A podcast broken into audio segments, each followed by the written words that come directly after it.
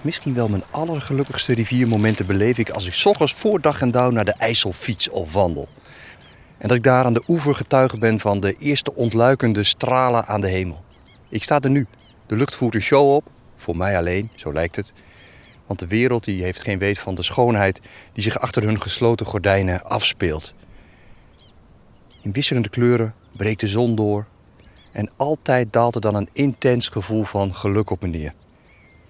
Mijn plaatsgenoot Mink de Vries, die ook bijna dagelijks langs de rivier te vinden is, die laaft zich ook aan luchten. En die geeft er heel mooi woorden aan die mij uit het hart zijn gegrepen. Maar de lucht bepaalt eigenlijk uh, mijn blik. En um, mijn blik wordt uh, eigenlijk um, verruimd op het moment dat er uh, wolken zijn en ook blauwe lucht. Dan, dan, dan is dat vind ik eigenlijk een mooie. En alleen maar blauwe lucht of alleen grijs, dat vind ik bijna saai. Kan wel mooi zijn en warm en zo, maar het, als het breekt en er komen lichtinvallen, een rivier met lichtinvallen. Nou, dat hè, s ochtends, avonds. Maar ook uh, gisteren nog, toen, toen de zon uh, wat onderging. En opeens kwam die zon onder die regenwolken tevoorschijn. Ja, dan, dan, dan is de rivier op zijn mooist. En als, als die wolken er niet zouden zijn, dan is, uh, is, gaat ook een deel van de schoonheid van de rivier verloren.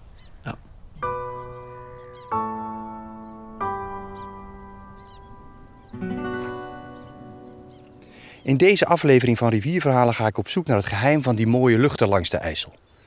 Er staat me een ontnuchtering te wachten en ik krijg een gelukstreffer als ik me onderdompel in de wereld van IJsselschilder Jan Voerman.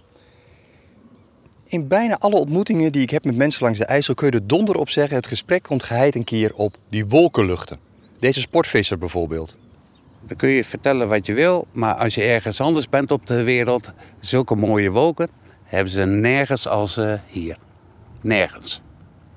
Het landschap wat je hier hebt, met de wolken erboven, zul je nergens in de wereld vinden. Ik heb al het een en het ander gezien.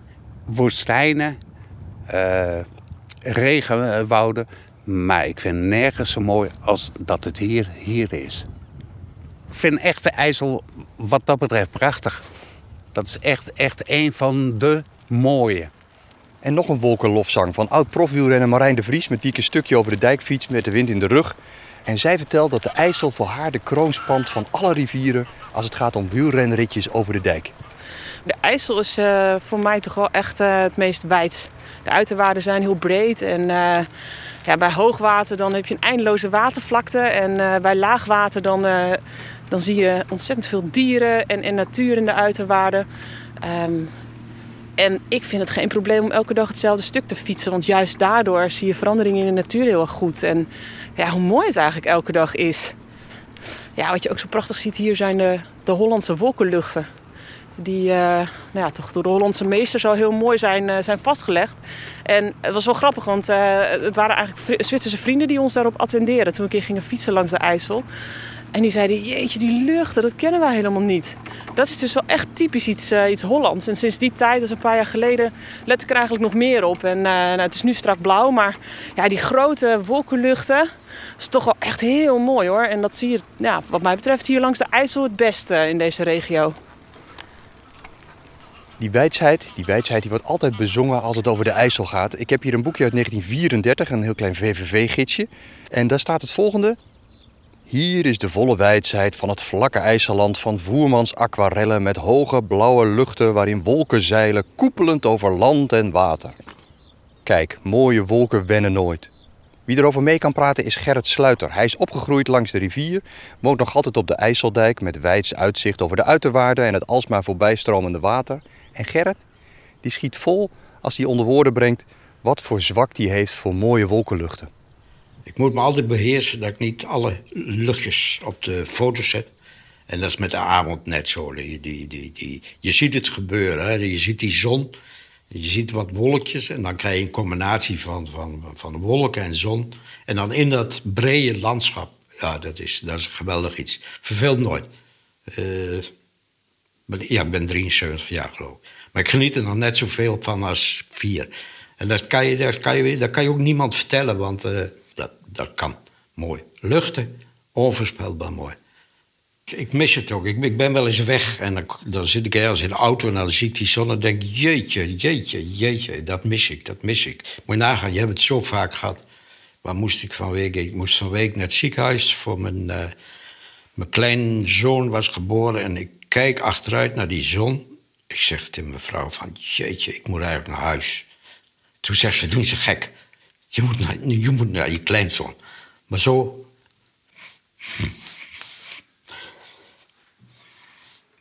Wat jij zegt is eigenlijk, een, je bent emotioneel verbonden met het landschap. Ja. Ja, daar ben je. Je, je, je, je voelt je één. Maar je ziet ook veel meer als een ander. Als ik wandel langs die IJssel, dan, dan... Ja, als ik van mijn huis naar de brug loop... Dus loop je heen en weer misschien een uur. En als ik mijn fototoestel bij me heb, dan doe ik 2,5 uur over. En ja, dat, dat, dat is wat iedere zondagmorgen. En dan denk ik, wat is er dan nog te zien? Ja, er is altijd wat te zien. Er is altijd beweging. Je kan zitten, je gaat op een steen zitten, op, op, op, op een boom. Het is geweldig. En het is nooit hetzelfde. Nooit. Nee, dat, dat, dat, dat voelen van de, van de omgeving, ja, dat is diep, heel diep. Hoe kan het dat de ene mens van alles ziet en de ander die, die, die kijkt gerust de andere kant op, als aan die kant een prachtige lucht is, die ziet, die ziet er gewoon niks van? Ja. Je moet er denk ik een beetje op gewezen worden. Toevallig was ik vanmorgen ook aan het wandelen. Ik kom mijn vrouw tegen met twee honden. En die liep in de zon. Ik zie niet zoveel, zegt ze. Ik zei, maar je loopt ook verkeerd. Je moet anders lopen. Dan zie je het landschap. Dan heb je geen last van de zon. En dan kijk je die diepte in. Dan, dan pas wordt het genieten. En dat, dat is ook zo. Je moet, je moet de goede kant op lopen.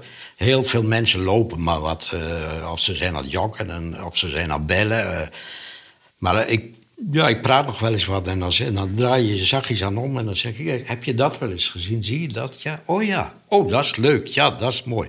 Ja, soms moet je mensen attenderen op, op de mooie dingen. En ja, dat is leuk, want dan... Oh ja, dat is ook zo. Even omdraaien, even zitten. Even, er staan mooie bankjes. En als je dan even gaat zitten, dan past. Ja, dan kom je tot rust, ja.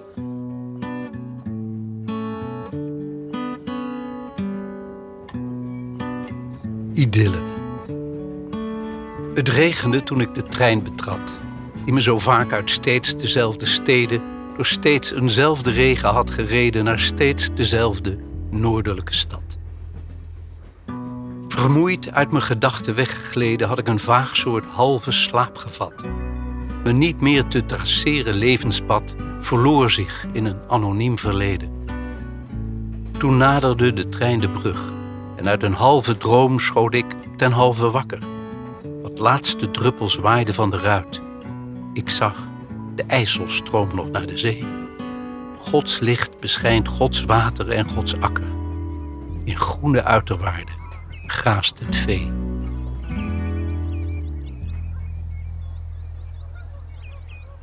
Rivierlicht en koeien. De dichter Jean-Pierre Ravi die schilderde dat met woorden. En wie dat met een penseel deed was Jan Voerman. Zijn wieg stond in de IJsselstad Kampen. En het grootste deel van zijn leven bracht hij door stroomopwaarts in het IJsselstadje Hattem. Op de dijk vlakbij de dijkpoort staat een koepeltje waar kunstschilder René Kinket vandaag de dag zijn atelier heeft in de voetsporen van de befaamde IJsselschilder. En als ik daar binnen stap, dan begint meteen het verhaal te stromen met de snelheid van de IJssel. Nou, Jan heeft er waarschijnlijk gewerkt. Ik, eh, dat, dat, een beetje, dat gis ik wel eens. Maar ik denk het zo'n beetje van 1890. Toen was je net afgestudeerd, kwam je hier met Anna Verkade naar, uh, naar Hattem. En uh, nou, ging die ijzer schilderen en gebruikte dus het koepeltje. Ik denk zo rond je 1890 of misschien nog weer eerder. Want tegen die tijd, in die tijd heeft hij ook het huis hiernaast laten bouwen. Maar toen gebruikte hij de koppeltje al. Maar koppeltje hoort niet bij het huis. Uh, verder op de, de, straat heeft hij uh, zijn huis laten bouwen met een, uh, met een atelier. Dat hij zijn atelier, dus dit was zijn woonhuis, verderop zijn atelier. Dus in die periode heeft hij dat gebruikt. Ja, verder, de, de inspiratie van de IJssel. Ik kan me voorstellen als je zit en die zit IJssel echt de hele dag veranderen van kleur, die luchten veranderen van kleur. Vanmorgen was het anders dan dat het nu is. Ik kan me voorstellen dat Jan zei van, nou ja, ik ga niet zo graag vakantie, want uh, als je in paradijs woont, dan verlaat je dat niet. Dat was eigenlijk zijn crede, hè?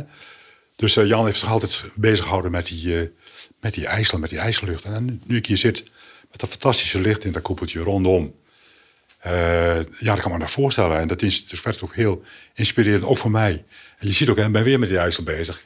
Het laat me niet los. En die lucht ook niet. Dus ik word ook een beetje gegrepen. Ik werd eh, als kind gegrepen door Jan Voerman. Hè? Maar nou, nou zit ik hier een koppeltje, het Jan Voerman koppeltje. En dan uh, overkom je datzelfde wat misschien Jan ook... Uh, dus ik betrap me ook weer steeds op die schilderijen... dat ik bezig ben à la Jan Voerman met die luchten. En heb je ook een voorliefde voor een bepaald soort lucht? Ik kan me voorstellen dat Jan zei van ja, hij was zo bang dat hij een lucht miste. Ik kan me dat ook wel voorstellen, want die lucht, het is kijk, iedere dag is de lucht anders. En, de, en die lucht die je van nu hebt, die heb je echt, krijg je binnenkort niet meer. Dus dan krijg je een andere kleur. Dat, dat verandert continu. Dus je kunt het eigenlijk niet goed vasthouden. Je kunt het zien en denk je nou, draai maar om. Want het is weer zo'n mooie lucht, maar je kunt dat, morgen is het weer een andere lucht. Dus is een hele grote diversiteit aan, aan de luchten die je dan zag. Dus ik kan me voorstellen dat het daar een beetje, een beetje gestrest om was. In ieder geval zei je van, nou, dat wil ik niet missen. Want je weet maar nooit, hè. Dat lot kan zo'n mooie lucht zijn en dan ben je er niet. Ik heb de indruk dat hij een voorliefde had voor dreigingsluchten. Ja, natuurlijk, want daar, daar kun je makkelijker vasthouden. Hè? En als, je een, als je bijvoorbeeld een portret schildert, en dat doe ik ook natuurlijk, ik schilder alles. En een gezicht van een oudere man schilder makkelijker dan van een jongere man. Maar heb je veel meer aanknopingspunten huidplooien, noem maar op. Dus dat, en dat geldt voor zo'n dreigende lucht die je dan schildert. Dan, kan je, dan kan je het veel makkelijker doen. Hè? Dus dat, dat kun je dan veel makkelijker weergeven. Hè? Kijk, in de Borkelo-ramp in 1934, 35 of 26, die lucht kwam je voorbij. Hè? Dat heeft hij dus gezien. En die heeft een hele serie schilderijen heeft hij daarvan gemaakt. In het Voermanmuseum kun je enkele exemplaren kun je daar zien. Wat is nou een typische voermanlucht? Kun je dat eens beschrijven? Ja, de dramatiek natuurlijk. Hè? Al die, uh, dat licht in de verte die donkere onderkant van die wolken namelijk. En dat geeft diepte in de schilderij. De breedte van de IJssel. En altijd een hele stille uh, IJssel. Met weerspiegeling. En wat je typisch aan een voormansschilderij kunt zien is de dijkpoort en de kerk. Ik stond pas, pas een hele tijd geleden, zag ik een interview met een minister. En een schilderij achter haar rug. En dat was een groot schilderij. En zei, hey, dat is een voerman. Want ik zag namelijk die IJssel, ik zag namelijk het glimmen van de dijkpoort en de glimmen van de, van de kerk. Typisch, als je dat erop zet, dan zeg je, oh, dat is, dat is hem. Begrijp je? Dat was zijn sterke punt. Dus je kunt een IJsland schilderen met waterschilderen, brede rivieren. En als je de IJsland de kerk erachter zet en de dijkpoort, dan zeg je, dat is, dat is Hattem. Dat was zijn kenmerk in ieder geval. Zo zit en, en werd hij, op een gegeven moment was hij klaar met die IJssel? Want je ziet dat schilders, sommige schilders hebben fases. Zie je dat bij Voerman ook? Nee, nee, nee. Hij is gewoon met die IJssel is hij gewoon uh, in 1944 uh, dood gegaan. Niet meer en niet minder. Want er hangt een, in het, in het Museum hangt er een, een, een, portret van iemand. Een, een vrouwsportret. En dat heeft, heeft hij dan gedaan. En toen heeft Anna gezegd... Jan was een week weg geweest om dat portret te maken. En Anna zei toen, had toen gezegd van... Zo staat er beschreven bij Voerman Museum... Van, nou, als je dat weer zou doen, dan verhang ik mij. Met andere woorden, daar kan ik rustig zeggen van... Hij doet dat nooit weer. Jan gaat niet meer buiten de deur om een portret te maken. Jan blijft gewoon de ijzer schilderen. Dat was zijn passie. Niet meer en niet minder. Heb je zelf voerman thuis? Nee, joh, ik kan niet betalen. Ik heb voerman in mijn hoofd.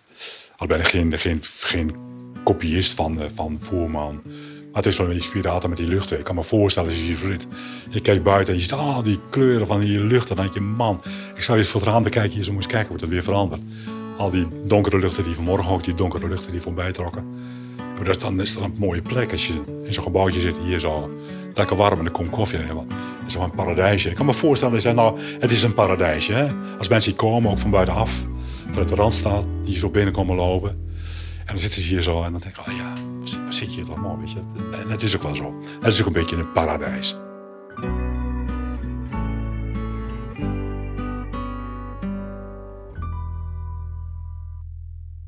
Vanuit het paradijsje in het voermankoepeltje op de dijk heb je zicht op het borstbeeld van de IJsselschilder Voerman en het decor van alsmaar veranderende wolkenluchten.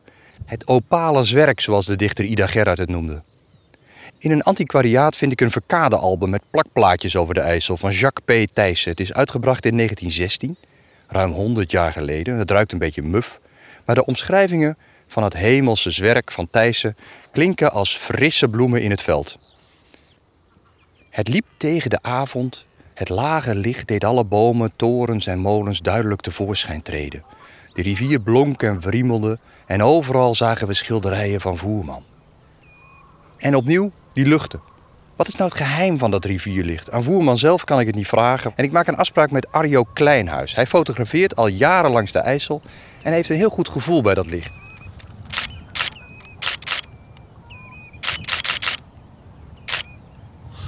Als ik voel dat ik weer eens naar de rivier moet, dan ga ik. Ja. De IJssel heeft een zekere eh, aantrekkingskracht.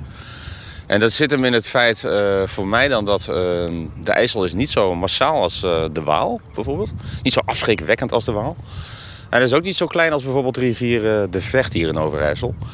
Is eigenlijk mooi precies tussenin. En de oevers zijn bijvoorbeeld nog eigenlijk onbebouwd. En daardoor heeft het een hele, een heel soort natuurlijke schoonheid. En dat vind ik heel erg mooi. En ja, er valt eigenlijk altijd wel wat te fotograferen.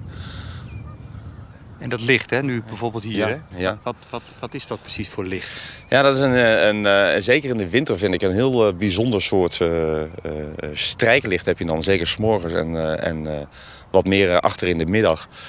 En ja, dat, dat maakt die rivier eigenlijk een soort van, van tijdloos. Dus zoals het licht nu is, was het honderden jaren geleden ook. De loop van de rivier was misschien iets anders, maar ehm, ja, dat vind ik, daar, kan ik, daar kan ik uren naar kijken. Dat vind ik echt prachtig. En hoe leg je dat precies vast? Want wat, wat, wat, wat is voor jou dan interessant fotografisch licht? Nou, ik fotografeer heel erg op gevoel. Uh, een plek langs de IJssel waar ik op dat moment denk van... nou, daar, daar moet ik iets mee in mijn foto's. Daar ga ik dan heen. En ehm, ja, meestal levert dat wel foto's op... waarvan ik zelf soms niet weet waarom ik ze nou heb gemaakt... Soms is dat een lijn die door het beeld loopt. Soms is het een bepaalde lichtval. en een andere keer dan is het de manier waarop het water stroomt of hoe stil het is. Dat kan ook echt ontzettend mooi zijn bij de IJssel. Kan niet helemaal als een spiegel zijn. En dat vind ik echt ja, dat vind ik prachtig. Vind ik dat. Strijklicht over het water, zoals nu. Ja, zo, en dan zo door de bocht van de rivier. Ik ben zelf geboren en getogen in Weijen. Dat ligt natuurlijk ook aan de IJssel. Dus ja, je krijgt dat... die rivier gaat toch in je bloed zitten. Uh, in de winter heb je meer harde contrasten, heel hard licht. En dat maakt, ja, dat geeft wat meer mysterie, vind ik. En in de zomer, ik noem even twee uitersten. In de zomer is het, ja, is het licht veel zachter. veel warmer licht. En ja, krijg je wat mij betreft wat meer clichéfoto's. Ik vind het in de winter vind ik het mooier.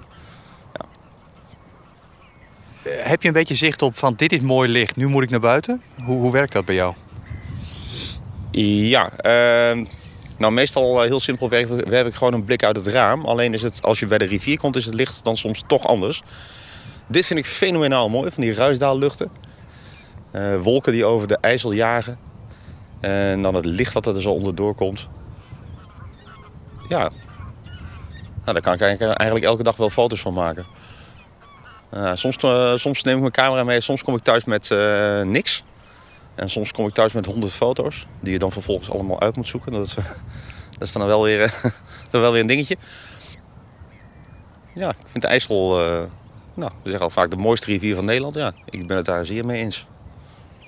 Maar je krijgt er gewoon geen genoeg van. Want dat, is, dat vind ik zo bijzonder, dat die rivier blijft trekken. Nee, ik krijg er niet, niet, niet genoeg van. Want er zijn altijd wel weer ja, er is altijd wel weer ander licht. Het is net als met, uh, ja, met de zee, denk ik. Als je aan zee woont, dan hoor je vaak mensen zeggen... ja, de zee is altijd anders. Zo, vind ik dus ook de IJssel uh, eigenlijk altijd anders. Het is vooral de reflectie van het licht op het water. Uh, het is gewoon elke keer weer anders. Je bijvoorbeeld die, die, het water ziet, met, daar zitten er hier en daar van die, van die rustige plekken in. Van die stroomnaden langs de kribben. En dat is ook elke keer weer anders. Het is gewoon altijd anders en dat is gewoon heel mooi is altijd weer wat nieuws te ontdekken. Er is een prachtige documentaire over uh, Hollands Licht, heet die. Uh, die vertelt over dat het Nederlandse licht, dat schijnt dan iets heel bijzonders te zijn. Dat schijnt met name te komen ook door het IJsselmeer, de vroegere Zuiderzee. En ze beweren in die docu dat door het aanleggen van Flevoland... dat daardoor het licht in Nederland is veranderd dat je andere reflectie hebt gekregen. Nou, dat vind ik wel een bijzondere theorie. Nederlands licht is wat mij betreft eh, ja, iets heel bijzonders. Nou, dat zie je toch ook, altijd in, in schilderijen. En ook op foto's. Dus eh, ja.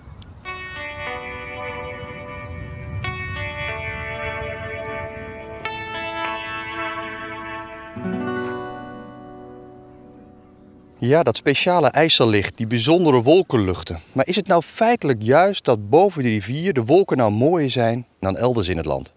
Nou, wie kan ik dat nou beter vragen dan een NOS-journaalweerman Peter Kuipers-Munneke? En ik stel hem de vraag, is het licht en de lucht boven de IJssel nou echt anders dan op andere plekken, Peter? Dat denk ik eerlijk gezegd niet. Nee, wa- wat wel zou kunnen, is dat zo'n schilder als Jan Voerman op een plek staat, of als je aan de rivier staat, dat je die luchten intenser ervaart. Misschien door de weerspiegeling, of doordat de rivier juist contrasteert met de lucht. Maar dan is het denk ik meer een beleving. Ik, ik, weet niet, ik kan niet uitleggen precies hoor, maar dat, ehm, eh, dat de aanwezigheid van de rivier ehm, de aanwezigheid van de luchten ook versterkt op die manier. Dus dat het elkaar aanvult als afwisselende elementen in een landschap. En dat daardoor een lucht misschien mooier tot uitdrukking komt dan boven een bos of boven een heidegebied. Want het befaamde Hollandse licht, wat de Hollandse meesters al schilderden, daar zie je toch wel vaak water op. Ja, dat klopt. En dat is natuurlijk ook heel typisch aan het Nederlandse landschap. Wat water en zeker wat grotere wateroppervlakken in Nederland wel kunnen eh, bewerkstelligen. Zowel op een schilderij als ook gewoon eh, in het echt. Dat zijn weerspiegelingen van bijvoorbeeld eh, de zon. Dus een glinstering van de zon. Die je niet alleen rechtstreeks vanaf de zon ziet, maar ook weerspiegelt in het water. Ehm, dus rivieren kunnen heel mooi eh, met licht spelen. En zeker als de wind een heel klein beetje eh, over de rivier heen waait, dan krijg je een beetje lichte golfvorming. En dan soms dan staat de zon precies zo dat je op de golftoppen een soort glinsteringetjes eh, ziet voorkomen. En omdat de golven op rivieren wat minder hoog zijn dan golven op zee, eh, zijn dat soort tintelingen, glinsteringen misschien beter zichtbaar. En eh, spelen rivieren een rol in de vorming van mooie wolkenluchten? Ja, daar twijfel ik eerlijk gezegd een beetje over. De rivieren zijn natuurlijk niet zo heel groot. En eh, je hebt, als je kijkt naar satellietfoto's, uh, kijk ik in mijn dagelijkse werk naar. heel af en toe bij bepaalde specifieke omstandigheden zie je de invloed van wat groter oppervlaktewater op de vorming van wolkenluchten. Maar dan moet je echt denken aan bijvoorbeeld het IJsselmeer of de Noordzee. En eh, rivieren zelf, eh, ze lijken heel groot als je ernaast staat, maar op de landkaart zijn ze gewoon heel erg klein. En die invloed is eigenlijk net te klein. De omvang is eigenlijk net te klein om echt een grote invloed te hebben op eh, de, zeker de hoogtes waar wolken typisch gevormd worden. Dus de echte Hollandse wolkenluchten, waar Jan Voerman zo enthousiast over is en waar Nederlanders zo enthousiast van worden, die ontstaan op een hoogte vanaf zo'n, nou laten we zeggen, 1500, 2000 meter. Dus anderhalf, twee kilometer boven het oppervlak. En als je daar boven bent, dan is de invloed van het water al bijna niet meer merkbaar. Nou, dat is wel jammer, want wij denken altijd toch wel dat die rivier ergens een rol erin speelt. Onder andere bijvoorbeeld, eh, die indruk heb ik zelf ook, ik woon ook bij de rivier. En Jan Voerman had dat ook, dat bij slecht weer, bij onweer... dat je ziet dat die rivier op een of andere manier een soort horde lijkt voor onweersbuien. Klopt dat? Nee, dat is flauwekul. Ja, nee, dat is, eh, dat is een heel hardnekkig misverstand, een mythe. Eh, maar het is echt niet waar. Als je kijkt naar eh, radarbeelden van overtrekkende, zeker als het onweersbuien betreft, onweersbuien trekken zich helemaal niets aan van of ergens een rivier ligt, ja of nee. Wat ik denk dat er gebeurt, ehm, en maar dat hoeft niet per se aan een rivier te zijn. Als er een onweersbui ontstaat, onweersbuien zijn per definitie heel lokale fenomenen. Uh, dus op één plaats uh, host het dat het giet. En een paar kilometer verderop zitten mensen gewoon nog buiten in de tuin en die voelen daar helemaal niets van. Uh, wat heeft dat voor gevolg? Dat heeft voor gevolg dat er in één plaats heel veel regen valt, maar dat er misschien wel in tien plaatsen daaromheen mensen het gevoel krijgen dat de bui nooit bij hen valt. Dus het aantal mensen dat een bui ziet langstrekken zonder dat ze nat worden, is veel en veel groter dan het aantal mensen dat echt doorweekt raakt. En omdat er van generatie op generatie, van horen op zeggen, van, van hoe, zeg je dat precies? Van eh, mond, op, mond tot mond. Uh, die mythe bestaat van de invloed van open water, van uh, rivieren. Je hoort het ook wel eens bij heuvels. Hè? bijvoorbeeld achter de Markeloze berg of zo. daar is het ook altijd droog. Ehm, die connectie wordt dan heel vaak gelegd. En laten we heel eerlijk zijn, in uh, uh, zes van de tien gevallen klopt dat ook. Hè? Dat er aan de ene kant van de rivier geen bui valt, maar aan de andere kant wel. Maar dat heeft niks met de rivier zelf te maken, maar met het feit dat ja, dat dorp waar het heel hard regent, dan net aan de andere kant van de rivier ligt. Maar daar heeft de rivier zelf geen meteorologische invloed op. Als je in een rivierenlandschap woont, dan zie je buien veel gemakkelijker langs je heen trekken dan wanneer je in de stad woont. Want dan is gewoon je horizon veel beperkter. En, en dat, even terugkomend helemaal op het begin, kan ook een reden ervoor zijn waarom schilders of mensen zo gefascineerd zijn door wolkenlandschappen, voor, door wolkenluchten in een rivierenlandschap. Omdat een rivierenlandschap natuurlijk als geen ander landschap, zeker in Nederland, een onbegrensde blik biedt op die wolkenlucht. Maar deze hoort dus in de top 5 van de hardnekkigste weerfabeltjes. Ja, absoluut. Ja, er zijn weinig weerfabels zo hardnekkig als de weerfabel van de rivieren die buien kunnen tegenhouden. Jongen, jongen, twee mythes die je koester over wolkenluchten boven de IJssel, die worden door de weerman Peter Kuipers-Munneke om zeep geholpen. Hmm. Want zegt hij, de wolken boven de rivieren zijn echt niet mooier dan elders. Maar ik blijf erbij dat schilderijen met wolkenluchten boven de rivier toch echt meer schoonheid in zich dragen dan wolkenluchten op andere plekken. En terwijl ik daar een beetje over mijmer, doet zich iets wonderlijks voor. Ik stuit op een internet kunstveiling waar een werkje van de IJsselschilder Jan Voerman wordt aangeboden. Het is een paneeltje op doek met zijn typerende wattige wolkenlucht en een silhouet van Hattem. En het mooie is, dit schilderijtje is gemaakt op een plek langs de IJssel waar ik bijna elke dag kom. Het is mijn favoriete IJsselplekje. Oh, dat is gaaf. Ik besluit een bod uit te brengen op het schilderijtje, maar ik laat me niet gek maken. Ik spreek met mezelf een prijslimiet af, want ik weet, voerman is best wel duur. Tot mijn stomme verbazing slag ik erin om het schilderijtje te bemachtigen. Opgewonden reis ik naar Arnhem om de voerman op te halen bij het veilinghuis en ondertussen knaagt toch wel een beetje een gevoel van, het zal toch wel een echte zijn. Voor de zekerheid ga ik het navragen bij de veilingmeester, Albert Keddeman.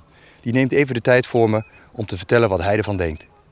Kun je mij feliciteren met deze aankoop? Ja, kan je natuurlijk absoluut feliciteren. Want het is gewoon een heel lief en leuk werkje. En de werken van Voerman komen helaas voor ons als veilingbedrijf zijn niet zo heel vaak op de markt. Dus toen we dit werkje tegenkwamen, uh, gemonogrammeerd, was ik toch wel uh, lichtelijk uh, enthousiast. En na wat nader onderzoek werd ik nog steeds meer enthousiast van. Dus het is echt, echt een heel lief en leuk werk. Want check jij dan zo'n werkje? Dus je krijgt dat aangeboden. Hoe, hoe, hoe gaat dat in, in jouw wereld van, van veilingen van kunst en schilderijen? Als uh, veilingmeester en taxateur moet je dus alle kavels, hè, alle objecten die je op een veiling krijgt, natuurlijk beoordelen. Alles krijg je door je vingers heen. Dus je moet gaan kijken van uh, met schilderijen, als we ons daar even toe beperken, van is het inderdaad een voerman, ja of nee? Of is het een kopie? Hoe is de technische staat daarvan? Uh, aan de andere kant moeten we ook kijken van wat is de voorstelling en hoe commercieel, hoe geliefd is de voorstelling? Want daarna, na dat onderzoek, moet je natuurlijk ook een bepaalde richtprijs dragen hangen. Die je naar buiten treedt in je catalogus en op internet. En dan ga je niet alleen kijken naar leeftijd, naar gaafheid, maar eigenlijk nog meer naar vraag en aanbod. Dat, want dat is natuurlijk hetgene wat de prijs van een werk uh, bepaalt. En uh, ja, zo, zo onderzoek je dus eigenlijk zo'n heel werk door je hand heen. Ben je zeg maar een kwartier, twintig minuten toch eventjes mee bezig om dat allemaal goed te kijken. Soms maak je gebruik van de technische middelen door hem even onder een UV-lamp, een blauwe lamp te houden om te kijken van zijn er restauraties aangeweest, ja of nee. En zo kom je dan tot een oordeel om het publiek te adviseren op een veiling wat een uh, reële uh, veilingverwachting kan zijn. Zie, want ik ben een liefhebber, ik ben geen kunstkenner. Ik koop dit op internet in het vertrouwen dat dat wel goed zit. Uh, maar als ik jou mag geloven, dan zit dat wel snor. Ja, we zijn natuurlijk ook een uh, gecertificeerd registerveilingbedrijf. En uh, ik ben ook gecertificeerd taxateur. Dat houdt dus ook in dat je je kopers ook een volledige garantie geeft van de echtheid van hun aankoop. Daarom zie je ook in de catalogus en ook op je aankoopnota staan duidelijk ook dat het werk is van Jan Voerman, datum geboorte, of tenminste jaartal geboorte, jaartal overlijden. Als dat genoemd wordt bij een goed veilingbedrijf, dan is er ook volledige garantie. Stel je voor je laat hem schoonmaken Of je gaat ermee naar het museum toe en het museum zegt van ja, alles leuk en aardig, maar dit is gewoon zo vals als het maar kan. Dan mag en sterker nog, dan moet je ermee terugkomen en dan wordt de koop teruggedraaid. En wat ik leuk vind aan het werkje is, het is de Zwolse kant van de IJssel. Hè. Voerman is natuurlijk Hattem. En, die, eh, en die heeft de meeste schilderijen aan de, aan de Hattemer kant van de IJssel geschilderd. En het grappige van dit werkje is dat het, dat het de andere kant van de rivier is. De Zwolse kant van de rivier. En dat spreekt mij als Vollenaar nou juist zo aan. Ja, ja, ja, dat hij echt de voeten aan die kant van de rivier heeft gezet. En misschien daar ook wel zijn ezeltje neergezet heeft. Daar gezeten heeft met zijn tubus en met zijn kwast. En daar mooi werk heen gedaan. Nou, ik vind je enthousiasme in ieder geval erg leuk en die deel ik ook. Mooi. En thuisgekomen zoek ik meteen contact met de directeur van het Voerman Museum in Hattem, waar ze de collectie beheren van de gelijknamige IJsselschilder. In de uiterwaarden van de IJssel, met zicht op Hattem, sta ik met Daphne Kampman, de directeur van het Voerman Museum. Ik heb met je afgesproken omdat ik je iets wil laten zien, een schilderijtje dat ik gekocht heb afgelopen week op een veiling op internet. En eh, ik ben heel blij met het schilderijtje, omdat het een zicht is op de IJssel, precies op de plek waar we nou staan. Maar ik ben ook een beetje onzeker over het schilderijtje. Is dit zo? Hoe werkt dat dan? Is het een voerman? Eh, hij is wel gesigneerd als zodanig. Nou, je hoeft hem niet te taxeren of zo, daar gaat het me niet om, want ik vind hem sowieso mooi. Ja. Maar ik ben wel gewoon benieuwd wat jij ervan vindt en eh, of je iets meer kunt vertellen over, eh, over dit, dit tafereel. Ja, nou, ik, ja, ik vind hem ook heel erg mooi. Het is, ehm, zoals je nu ziet, is inderdaad aan, deze kant van de IJssel een stukje strand, IJssel. En dan de, nou ja, dus we zeggen altijd skyline van Hattem. Dat klinkt natuurlijk heel groot, maar het is natuurlijk wel een mooie skyline en ook altijd heel herkenbaar. En het is wel typisch eh, Jan Voerman, omdat hij altijd een lage horizon had. En daarboven gewoon een hele hoop ruimte voor de lucht. Eh, een van zijn favoriete onderwerpen is natuurlijk ook eh, de wolken. En die zie je hier ook heel mooi. Je ziet de wind er heel mooi in, zo van links naar rechts. Ehm, de ondertekening die ik hier zie is inderdaad wel ehm, zoals Jan Voerman het ondertekende.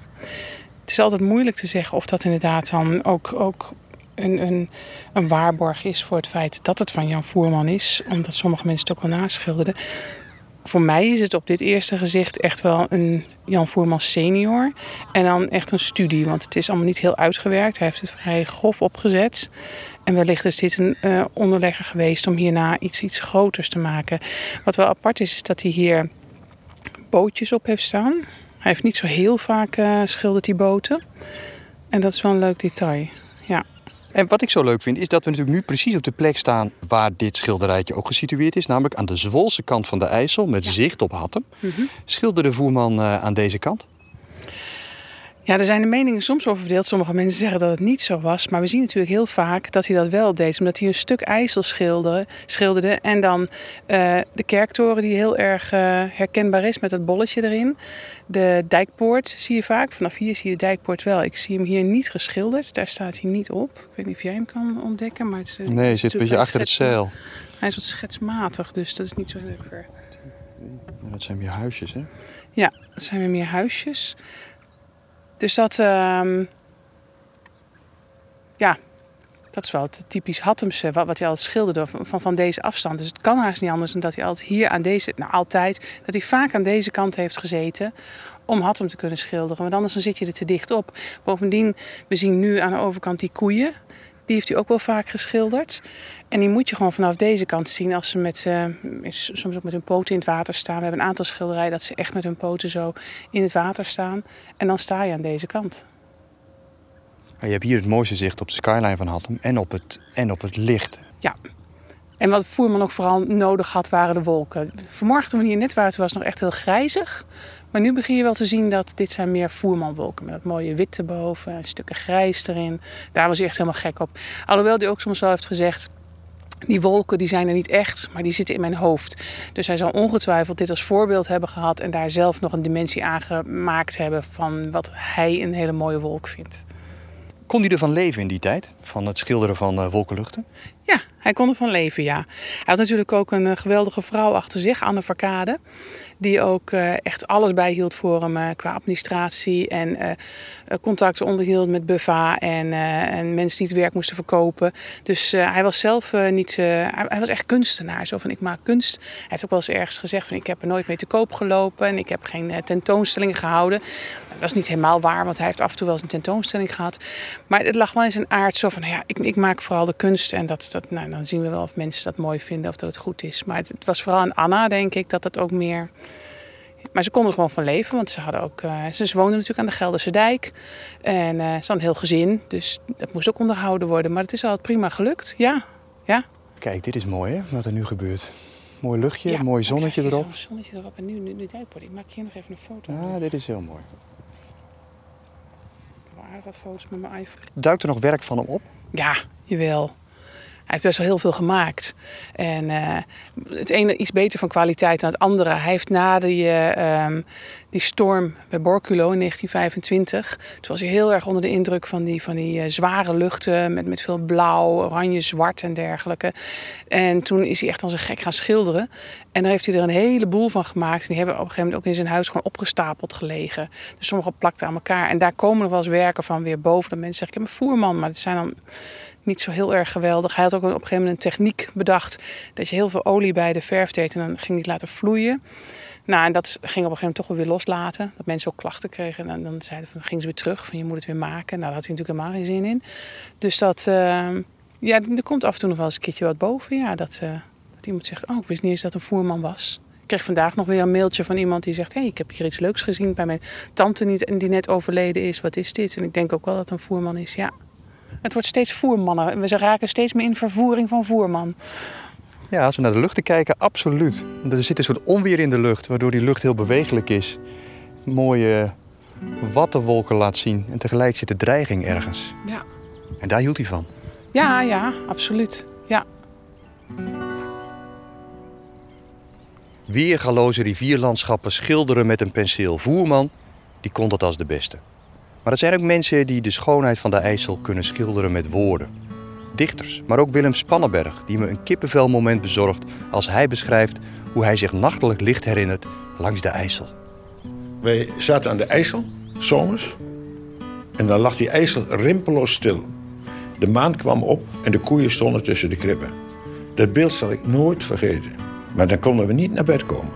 Dan hadden we de stoelen aan de IJssel staan, alleen genieten. Helemaal niet klessenbessen of zo. Genieten. En dan soms dan kwam er zo'n boot van boven. En dan hoorde je heel in de verte kapoek, kapoek, kapoek, kapoek, kapoek. Zo'n de kromhout.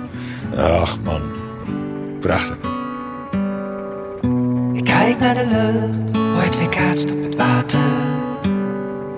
En hoe mooi de rivier altijd in beweging is. Onderweg naar de zee, waar het rustig naartoe glijdt.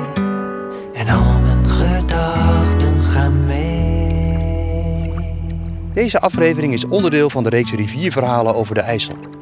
In de volgende ga ik mensen vragen naar hun vroegste kindherinneringen over de rivier. En dan kom je vrij snel bij de dreiging van hoog water. Als je een centje wilt krijgen over nieuwe afleveringen van Rivierverhalen, abonneer je dan op deze serie. Ik kijk naar de rivier, naar hoe het altijd maar doorstroomt. En ik kijk naar mezelf en ik wou hetzelfde was. Net als de rivier die altijd wel een weg vindt. En ik kijk naar mezelf en ik wou dat ik net zoals het water schepen kon dragen. Ze weg kon laten varen met de wind. Dat ik net zoals het water